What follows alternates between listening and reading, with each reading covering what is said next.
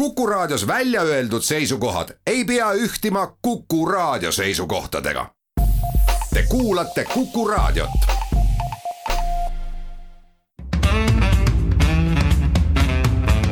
muuli ja Riikoja tere päevast, head kuulajad, kell on kaheksa minutit üksteist läbi, et on reedene päev, siis on ka saate Muuli ja Riikoja aeg ehk Kalle ja Muuli ja Hindrek Riikoja on stuudios. tere päevast. alustame tänast saadet äh, eilse uudisega sellest, et äh, on siis algatatud kriminaaluurimine selle kohta, kust ikkagi pärines Keskera-, kust ja kellelt pärines ja mille eest pärines äh, Keskerakonna viiekümne tuhande eurone annetus selle aasta alguses, loomulikult on võimalus, et midagi kriminaalset selles ei leita. teiseks räägime erakondade äh, rahastamise järelevalve komisjoni töö lõpetamise ja riigikontrollile üleandmise seaduseelnõust. Äh, õigemini nendest parandusettepanekutest, mis on sellele seaduseelnõule esitatud ja neid on siis tänaseks päevaks juba vähemalt viiskümmend tuhat, kui mitte rohkem. Lihula tragöödiast, mis eelmise laupäeva hilisõhtul ja veel vastu pühapäeva aset leidis, on läbi nädala räägitud väga palju, räägime meiegi ja eks eelkõige need äh, pikema perspektiivi küsimused on see, et kas sellest tõukuvalt tuleb kuidagi meie relvi puudutavat regulatsioone muuta. neljandaks äh, Eesti valitsuse tingimuslik otsus toetada seitsmesaja viiekümne miljardi äh, eurost ühislaenu Euroopa Liidus koroonakriisist taastumiseks. ja saate lõpetuseks räägime ka sellest, kas siis kaitseväel võiksid omapalgalised tippsportlased olla või mitte ja Riikoja. kui kiiresti meenutada ajalugu, siis äh, aasta alguses, jaanuari lõpus sai Keskerakond viiekümne tuhande euro suuruse annetuse ühelt vähetuntud äh, Tartu ärinaiselt. Äh, kui nii-öelda teise kvartali alguses kõik annetuste info avalikuks tuli, siis tõusis üles küsimus, kellelt see viiskümmend tuhat on tulnud ja mille eest kogu skandaal hakkas ennast kerima, ühte vahepeatusesse jõudis ta eelmine nädalavahetus, kui Keskerakond otsustas, et äh, nad kannavad selle raha. kuigi nende teada, äh, nii on Keskerakonna juhid väitnud, ei ole tegemist millegi kahtlasega, kriminaalsega, vaid inimese vabatahtliku tegevusega. otsustavad äh, tekkinud skandaali tõttu nemad selle raha tagasi kanda. aga eile tuli siis teade, et riigiprokuratuur algatas kriminaalmenetluse, ühtegi kahtlustatavat esialgu selle menetluse raames ei ole kellelegi pole kahtlustust esitatud, räägitakse erinevate tunnistajatega. aga saamaks siis selgust, kas tegemist võis olla ebaseadusliku annetusega, ehk siis äh, vähetuntud ärina, Tartu ärinaist kasutati sisuliselt tankisti ja vahendajana. ma arvan, et see on äh, väga hea, et prokuratuur selle uurimise algatas.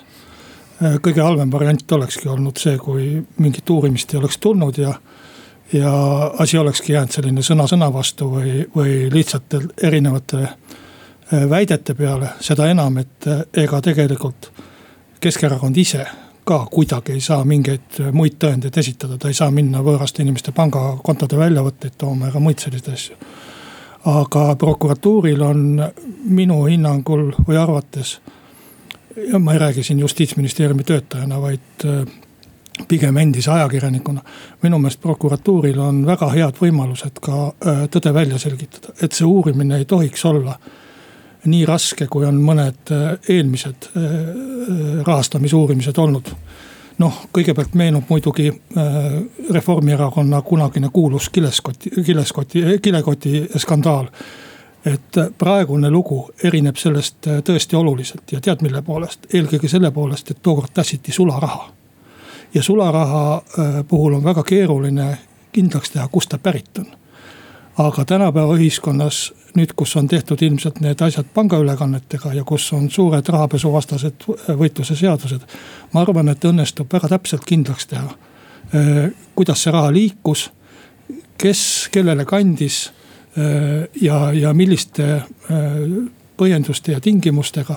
ma arvan, et pangad võib-olla, et nii suure summa liikumist, viiekümne tuhande euro liikumist jälgivad ka ilma selleta, et tegemist oleks erakonna rahastamine.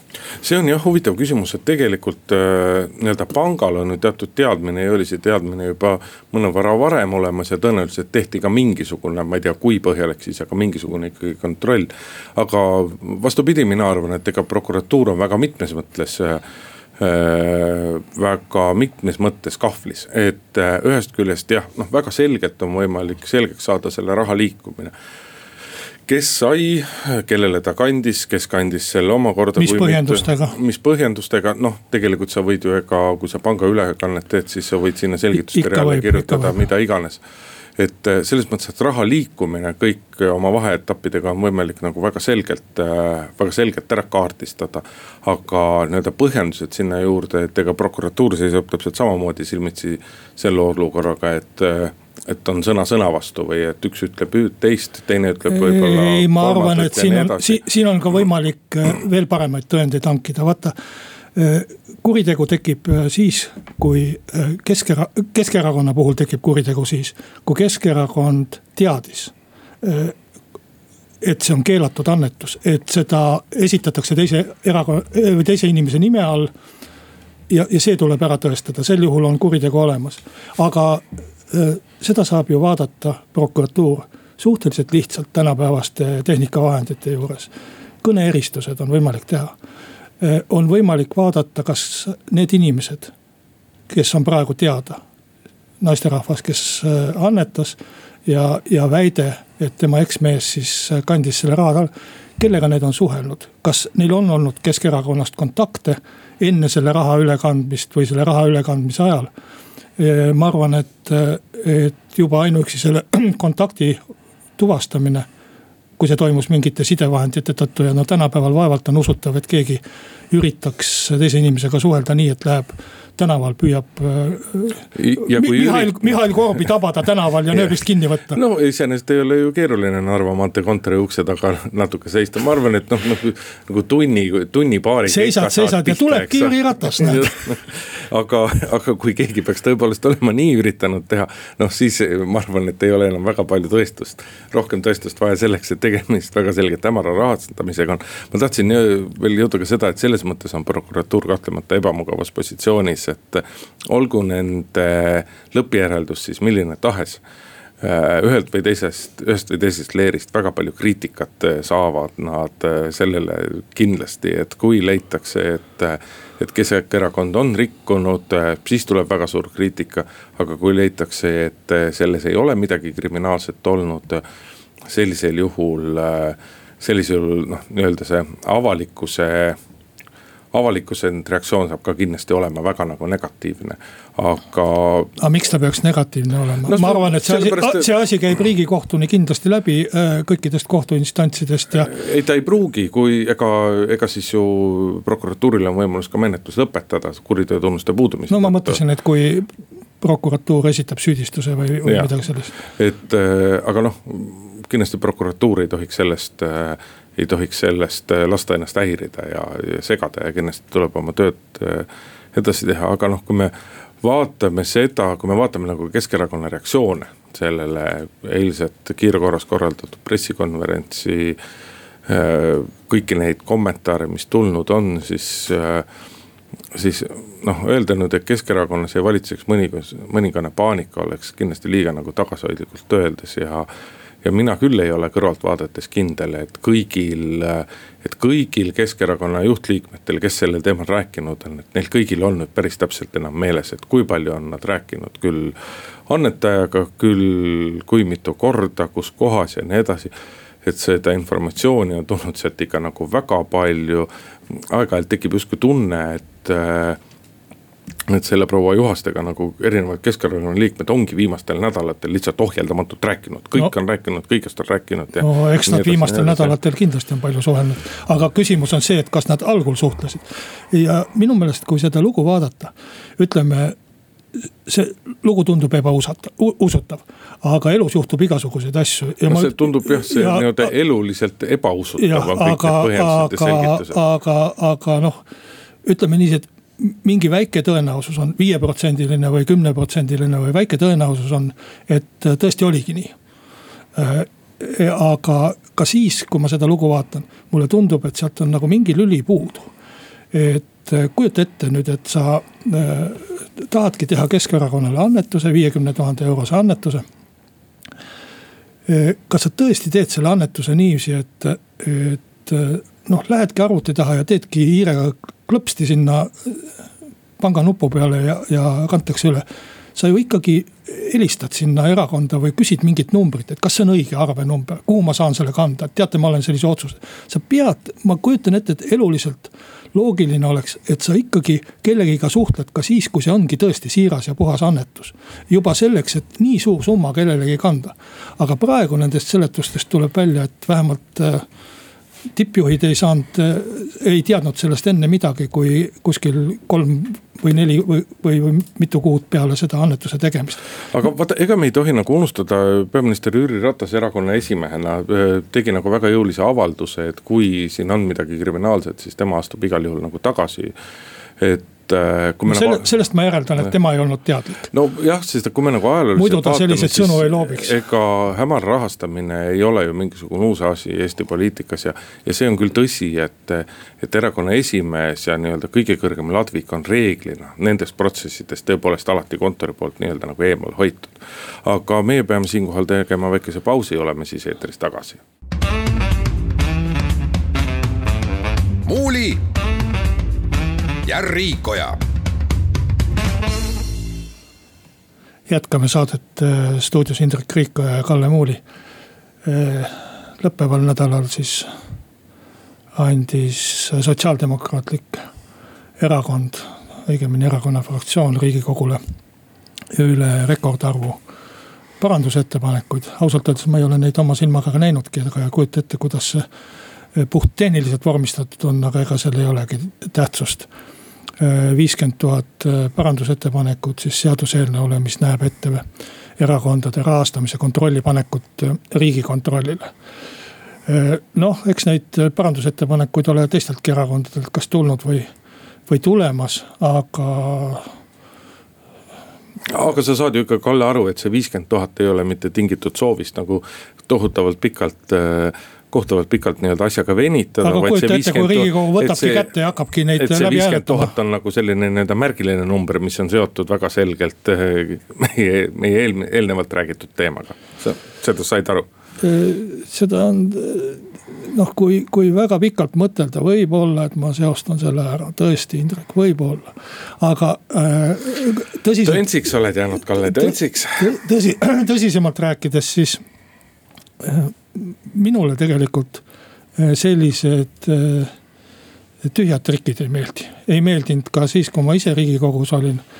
Äh, ja noh, ühe, ühe sellise obstruktsioonivahendina ju väga sageli kasutatakse ööistungeid.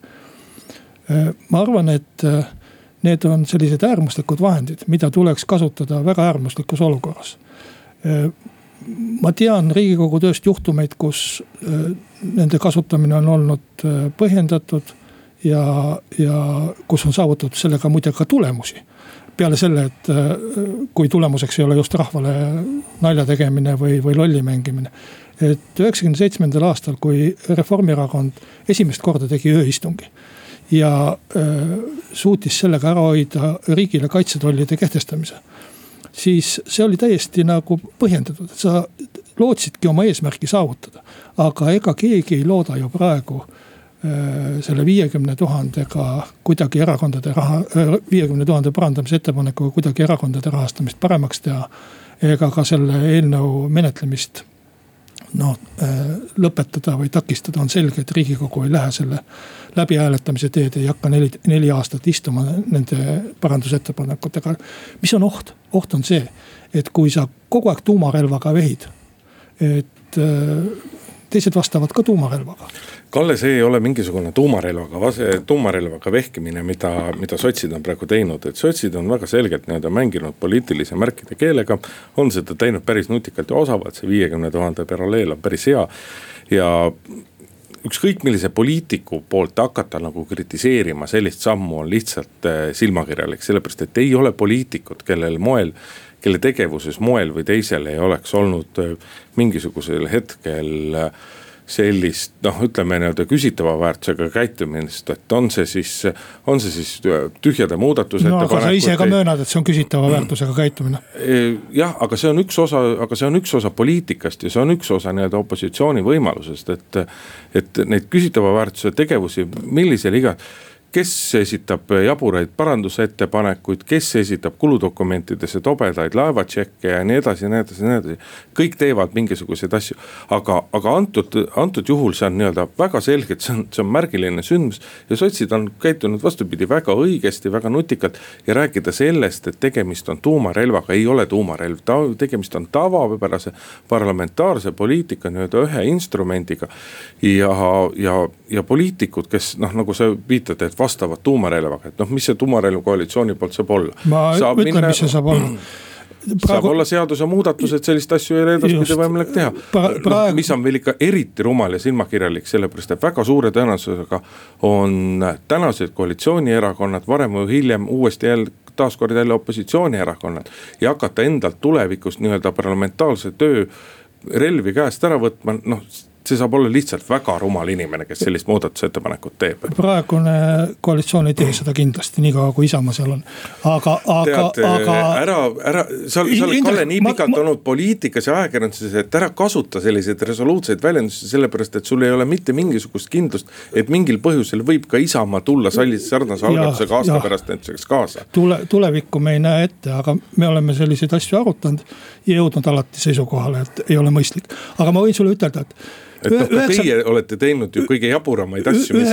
millel ei ole mingisugust reaalset mõistlikku seletust. üheksakümnendatel aastatel oli Eesti parlamendis äh, selline poliitik nagu Arvo Junti. ja tema juristiteadmised olid sellised, et ta kasutas äh, kogu aeg mingeid juriidi, juriidilisi nõkse. ja sealt on tulnud väljend juntimine sellise ja, asja kohta. aga tead, mis selle juntimise tulemus oli? selle juntimise vähendamiseks ja lõpetamiseks keerati nii palju asju Eesti parlamendis kinni just nimelt eh, kasutades vastu, vastujuntimist või tuumarelva.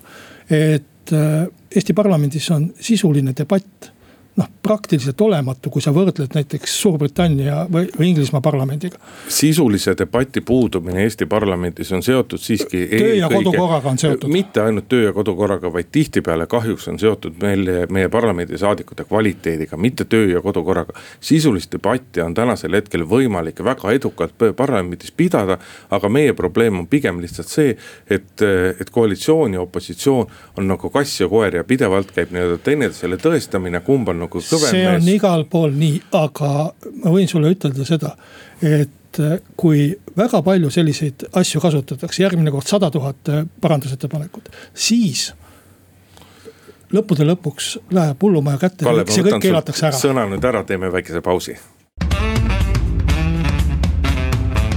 muuli ja Riikoja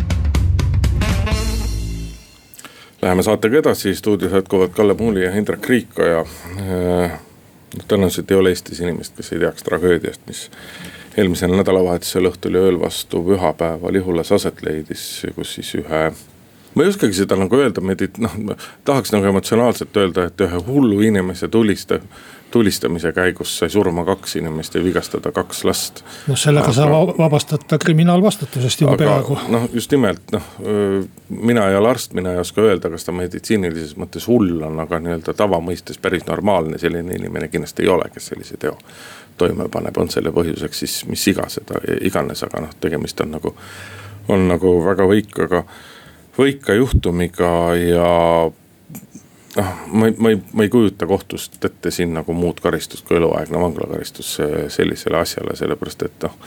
lisaks neile episoodidele, kus kaks inimest hukkusid ja kaks, kaks inimest, kaks last said raskelt vigastada.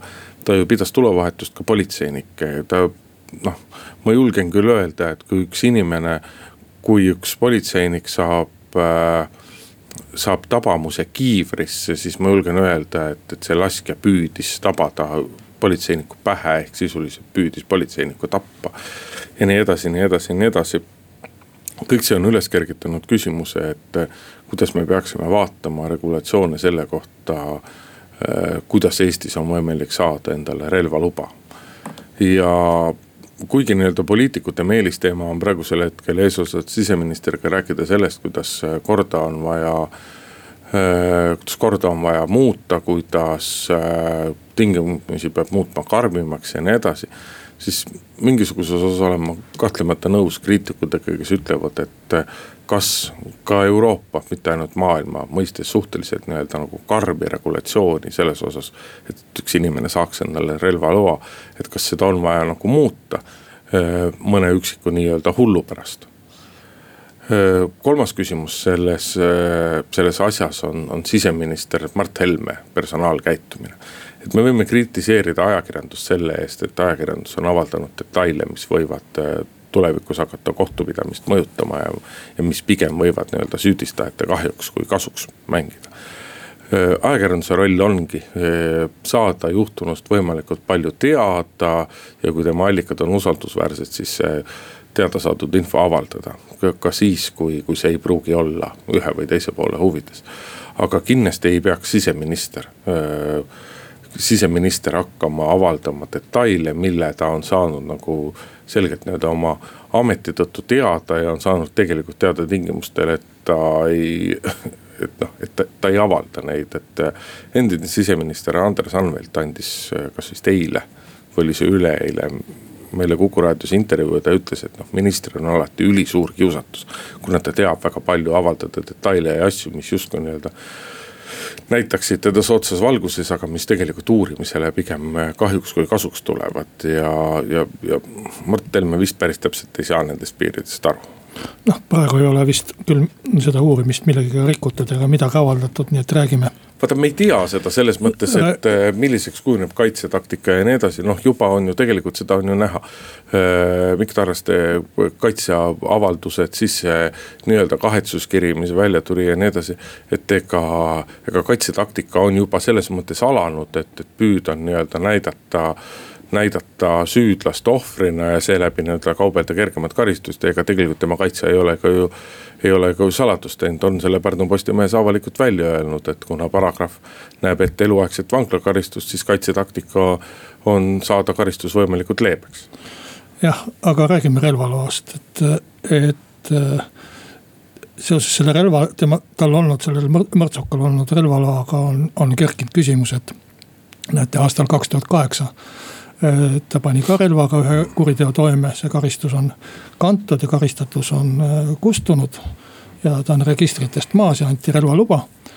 et, äh, et ma arvan ka põhimõtteliselt, et äh, olgu peale, et Euroopa õigus ütleb, et kui karistatus on kustunud, et siis ongi inimene puhas leht, et teatud kuritegude puhul ikkagi võiks olla ka eluaegsed piirangud, nii nagu pedofiili ei lubata eluaeg lasteasutusse tööle. nii võiks ka täiesti rahulikult olla meil relvaseaduses säte, et kui inimest on kasvõi kunagi karistatud teatud tüüpi kuritegude eest sealhulgas relvaga toime pandud kuritegude eest, et siis talle enam relvaluba ei anta. aga samas mind paneb väga imelik, imestama selle relvaloa selline ületähtsustamine või ülefetišeerimine. ega siis see, kui inimesele antakse relvaluba ei anta, ei anna talle luba tappa. ega relvaluba ei tapa kedagi. Äh, ka selle juhtumi puhul isegi on ju näide, et eelmise kuriteo ta pani ju toime ilma relvaloata. tal oli ebaseaduslik relv. et äh, usk sellesse, et kui me teeme nüüd, kirjutame paberi peale mingisuguse seaduse. või anname inimesele mingi loa. et äh, siis see välistab kuritegude toimepanemise et see on väga naiivne, see on algklassi tasemel selline debatt ja mõtlemine. et äh, võib-olla, et relvaluba on äh, inimestel raske ette kujutada, aga, aga autojuhiluba on ehk tuttavam. no enamik äh, autojuhte, kes panevad toime liikluseeskirjade rikkumisi, kaasa arvatud autoga teise inimese tapmisi on ju saanud autojuhiloa igati seaduslikult, igati põhjendatult. Nad on vaimselt terved ja, ja nii edasi, nende oskused autot juhtida on ka olemas, aga ometi ta võtab endal nina täis, nii et ei jaga ööd ega mütsi ja sõidab Saaremaal kolm inimest surnuks. et see luba on noh, oluline asi, aga selle loa väljaandmise mingi täiustamisega me ei hoia ära äh, äh, kuritegude põhimassi kindlasti peab politsei ja, ja ma usun, et seda ka nagu tehakse, läbi viima nagu väga põhjaliku sisejuurdluse sellest, et kuidas see relvaloa nii-öelda andmine üldse nagu võimalikuks sai, sest et nii palju, kui mina politseijuhtide selgitustest aru saan siis et iseenesest nii-öelda teadmine sellest kunagisest karistusest ja toime pandud teost oli politseil ka seda relvaluba andes äh, aastaid hiljem olemas, et kas seda nüüd niimoodi arvesse võeti või ei võetud, et see on see küsimus, et kas politsei lähtub loogikast. et kui su karistus on kustunud, siis see, see ei saada sind enam või ta, või ta ei, või ta ei peaks niimoodi käima. et, et tuleks ma... selgeks saada see, et, et kas tegemist oli, kas tegemist oli nii-öelda liiga ametniku, kes väidetavalt enam ei tööta politseis. kas see oli tema nii-öelda nagu pealiskaudsusest ja, ja tähelepanumatusest tingitud või oli see liigsest usaldusest tingitud. ja, ja pigem, kui me räägime nüüd nendest võimalikest muudatustest, siis need muudatused eelkõige peaksid ikkagi olema seotud nii-öelda, need peaksid olema protseduurilised muudatused, et see oleks oleks nii-öelda väga selge reglement, väga selged nii-öelda reeglid ja, ja, ja tõsi, need muudatused kindlasti, et, et et kui sa oled relvaga pannud toime mingi kuriteo, siis ei ole nagu sinul enam küll relvaloa järgi mitte kunagi enam asja. sellised asjad võib, et ma olen nõus, et Villu Reiljan neid korruptsioonikuritegude eest ei pea nii-öelda relvaluba ja jahirelvi ära võtma. aga inimesel, kes lihtsalt nii-öelda, on see siis nooruse, rumalusest või millest iganes, tulistab suvaliselt akendesse ebaseadusliku relvaga. no sellel inimesel ei peaks mitte kunagi enam asja relvakauplusesse olema, sest et tal noh, ei ole mingit seaduslikku põhjust. aga see on ka õige, et alati, et enamus kuritegusid siiski, mis pannakse toime relvadega, pannakse toime ebaseaduslike relvadega. ma ei tea, mis, äh, millist registrit äh, relvaloa väljaandja näeb, kui ta äh, võtab registri lahti, aga üldiselt karistusregistris selle inimese nime siis ei ole kui tal karistatus on kustunud. nii et täiesti võimalik, et relvaloa andja ei näinud ega ei teadnudki. ja relvaseadus annab äh, otsustajale või, või sellele relvaloa andjale teatud kaalutlusruumi. Ja seal ei ole äh, keelatud anda inimesele, äh, kes on varem karistatud, nii et noh, kui karistatus on kustunud. nii et selles mõttes nagu ilmselt ta seadust ei rikkunud. mina pooldan seaduse täiendamist, aga ma ütlen, et see ei hoia ära enamikku kuritegusid. pooled relvadega toime pandud kuritegudest pannakse toime ebaseadusliku relvaga ehk ilma relvaloata üldse. ja, ja teine pool äh, on kindlasti nende poolt toime pandud, kes ei ole vari, varem karistatud, et selliseid juhtumeid nagu praegu. Neid on selle kahekümne viie tuhande relvaloa omaniku seas väga vähe. ja kindlasti teine asi muidugi on see meditsiinilise kontrolli küsimus ja just nimelt see, mis psühhiaatriakliinikus toimub, et ka seda on vaja nagu tõhustada, sest need on tihtipeale suhteliselt pealiskaudsed. see on õige õige, aga ka seda ei maksa üle hinnata. relvaluba antakse viieks aastaks, psühhiaater näeb seda inimest ühel päeval või hetkel. miski ei välista, et see inimene läheb aasta hiljem või kaks aastat hiljem või kolm aastat hiljem peast segi. ja, ja mis, mis võis juhtuda ka praegusel juhul. muuli ja Riikoja jätkame saatega nelisada seitse või seitsesada viiskümmend miljardit eurot on siis eh, sel suvel liikumas ühislaenuna eh, Lõuna-Euroopa riikidesse, valdavalt natukene põhja poole ka ja, ja natukene Eestisse ka. ei, kindlasti mitte sellel suvel, sest kui sa vaatad, siis tegelikult. ma mõtlen otsustamise mõttes. raha enda nii-öelda jaotamise tähtajad on ikkagi päris pikad ja, ja, ja nii mõnelgi puhul tekib ikkagi väga selge küsimus, et et koroonakriis peaks selleks ajaks küll juba ammu ja selle mõjud peaks ammu juba möödas olema. noh, eks, äh, eks nii ja teisiti. et äh, Eesti valitsus siis otsustas tingimuslikult. Äh, ja neid tingimusi oli vist isegi kolmteist, mis nagu üles loeti.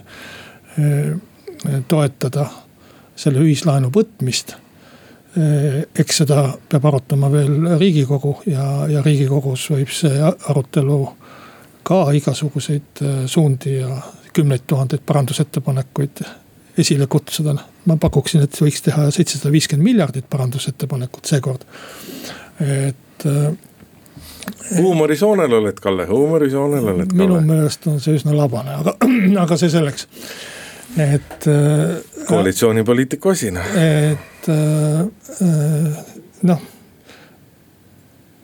mis ma ütlen, mina isiklikult olen selle ühislaenu vastu, ma arvan, et noh, esiteks ta ei lähe kokku üldse minu ilmavaatega, kus ma arvan, et igaüks peaks ikkagi oma asjade eest ise otsustama ja, ja, ja et me ei tohiks vastutustundetust kinni maksta. ja, aga teiseks ma arvan ka seda, et tegelikult see, mida loodetakse, et see liidab Euroopa Liitu ja, ja aitab Euroopa Liidu ühtsusele kaasa. Et tegelikult see pikemas perspektiivis toob ikkagi kaasa vastupidise efekti, see annab jõudu nendele äh, liikumistele ja nendele vaadetele, mis rebivad Euroopat katki. Need on äh, äärmuslikele Euroopa vastastele jõududele väga soodsad argumendid. no ma muidugi ei saa aru, et kuidas ta saab olla, et, et meie nii-öelda nagu Äh, päevapoliitikas kõige Euroopa vastalisem jõud ehk EKRE on ju, on ju kõige sellega nagu nõus, nad on valitsuserakonna liige. et äh, vaata, see on jah, need on, ega seal sisulisi küsitavusi on nagu väga palju, et kui me vaatame seda, millega Euroopa Komisjon on välja tulnud. kui me vaatame nüüd neid kolmeteist Äh, kolmeteist äh, nii-öelda tingimust või kuidas iganes neid nimetada, siis tegelikult äh, minu hinnangul nad ei lahenda nagu. Need ei paku lahendust kõige suuremale probleemile, et Euroopa Liit võtab küll ühiselt laenu, jaotab selle oma liikmesriikidele välja. aga kuidas ikkagi tagada seda, et kui üks või teine või kolmas liikmesriik selle laenu, sealt ka laenu võtab, ei pea ju tingimata seda laenu võtma. Aga kui ta selle võtab, et siis ta sellega nii-öelda tagasi maksab, et me võime kõik seada tingimusteks, kõik liikmesriigid võivad panna oma tingimused, et nii-öelda et vastastikku ei, ei käsutata seda, ei käsutata, ei, ei, vabandust, mitte käsutata, vaid ei tagata laene. aga kui ikkagi Lõuna-Euroopa riigid, kes on juba silma paistnud sellega, et nad mõõdutundetult ja vastutustundetult laenavad. et kui nad seda nüüd jälle teevad ja kui nad siis uuesti nagu hädas on, et, et kes neile siis appi läheb, et me ei kujuta ju ette, et mõni riik läheb pankrotti reaalselt. Indrek, päris ilmselge on, et seda laenu ei maksta tagasi kindlasti seda võib äh, uuesti finantseerida, refinantseerida äh, ja nii edasi. aga juba ainuüksi sellest, et algselt taheti see teha ja võib-olla tehaksegi, mina ei tea. võib-olla nad suudavad sellega läbi suruda. et see laen üldse ei kajastugi riigi võlakoormuses et, et sa võtad endale mingisuguse sada miljardit või, või kolmsada miljardit ja see on nagu õhus, et see ei olegi sinu võlakoormus. Et selle vastu oli Isamaa ja see on praegu ka valitsuse tingimustes, Isamaa volikogu tegi isegi avalduse selle kohta e,. aga, aga ainuüksi sellest on näha, et seda ei kavatsetagi tagasi maksta. mis selle laenuga juhtub? noh, mida inimmõistus suudab ette kujutada või vähemalt minu mõistus, on see, et see süüakse inflatsiooniga ära ja mida see tähendab, see tähendab seda, inflatsioon tähendab seda, et kannatavad äh, need inimesed, kes on ainult palgasaajad, kellel ei ole vara, kellel ei ole kinnisvara, kellel ei ole aktsiaid. kellel ei ole mingit muud äh, vara, kellel on raha, kes saavad palka. Nende arvelt siis, nende, nende seda raha Äh, odavamaks süües äh, makstakse siis kinni see asi ja ma arvan, et see tekitab Euroopas pikas perspektiivis lõhes rikaste, vaeste, kõikide selle vahest nii suuri pingeid. et see on palju hullem kui see, et äh, Itaalia ja Hispaania ägavad kümmekond aastat raskustes ja siis saavad oma Äh, asjadest üle, et ma arvan, et see, mis tehakse, on Euroopale väga kahjulik asi. no vot seda ma ei oska öelda, kas ta on kahjulik, aga selge on see, et äh, Euroopa Komisjon lähtub, äh, lähtub poliitikast, et võimalikel kriitikutel topime topime lihtsalt nii-öelda suud paksult raha täis, odavat raha täis ja sedasi, sedasi vaigistame kriitika ja, ja noh et ega sarnaseid, sarnaseid tingimusi võime me näha paljudes liikmesriikides. ma arvan, et meil aeg on kohe teema jaoks täis, aga ma ühe teema, asja markeeriksin ära, tuleb väga hoolega vaadata, kuhu Eestis see raha pannakse. juba on olemas kuskil otsus, ma ei tea, kus kohas, mis tagatoas sündinud, et selle raha läheb Rail Balticusse ja Ida-Virumaale no ei saa niiviisi, see on meie ühine raha, seda peab parlament otsustama ja seda peame arutama, kuhu see panna. Muuli ja Riikoja saate lõpetuseks räägime pisut ka spordist, väga tihti see meie teemaks ei tule. kaitseväes on küpsenud äh, mõte ja otsus, et kui seni on olnud kaitseväes nii-öelda ajateenijate seas spordirood. ehk siis äh, nii-öelda noh, ärme ütle tippsportlased, aga sihukesed heal tasemel lootust andvad noored sportlased, kes peavad kohustuslikus korras ajateenistuse läbima, saavad tulla ajateenistusse niimoodi, et nad oma treeningmahte oluliselt vähendama ei pea.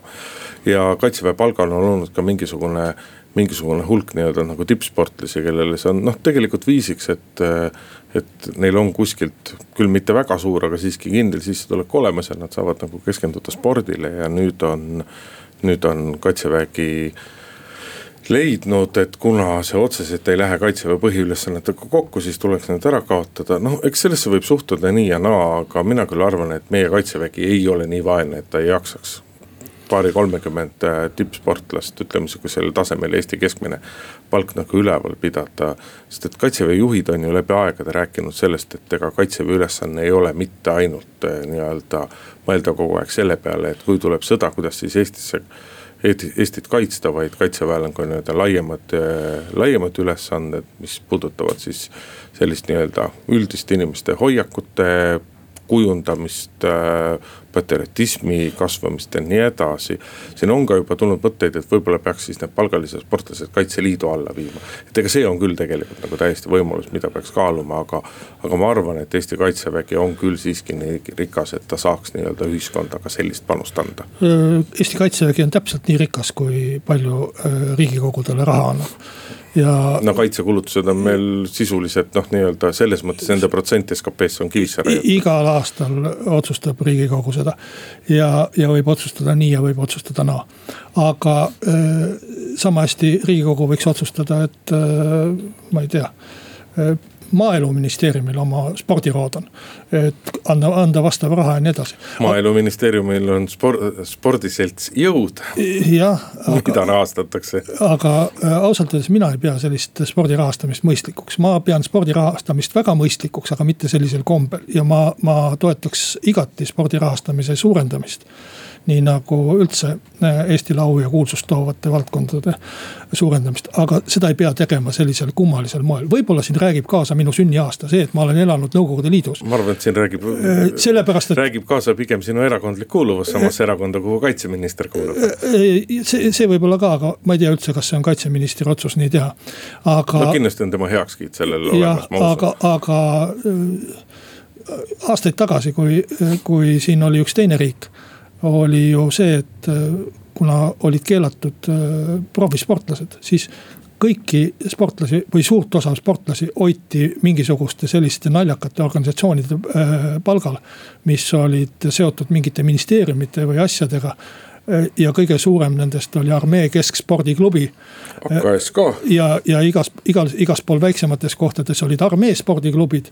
ja no praktiliselt äh, sportlastest nagu äh, kogu see äh, sõjavägi koosneski aga ma arvan, et noh, sellisel veidral kombel, varjatud kombel spordi rahastamine, parem anname selle raha otseselgelt sportlastele ja, ja, ja las, ole... las need neliteist sportlast äh, saavad selle raha, mis nad enne said ja selle palga, mis nad enne said. aga see võiks ollagi siis spordile EOK-le, millele iganes antud raha. ega vaata, see ei ole varjatud spordi rahastamine, sellepärast et ega siis kaitseväel on võimalus ju neid sportlasi tegelikult kasutada ka oma nii-öelda maineüritustel.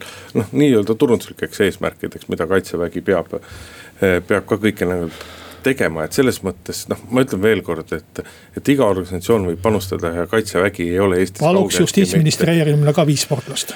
kaitseministeerium, kaitsevägi ei ole kaugeltki mitte kõige vaesem, aga meie saateaeg on otsas, Kalle Muuli, Hindrek Riik olid stuudios, nädala aja pärast kuuleme jälle. muuli ja Riikoja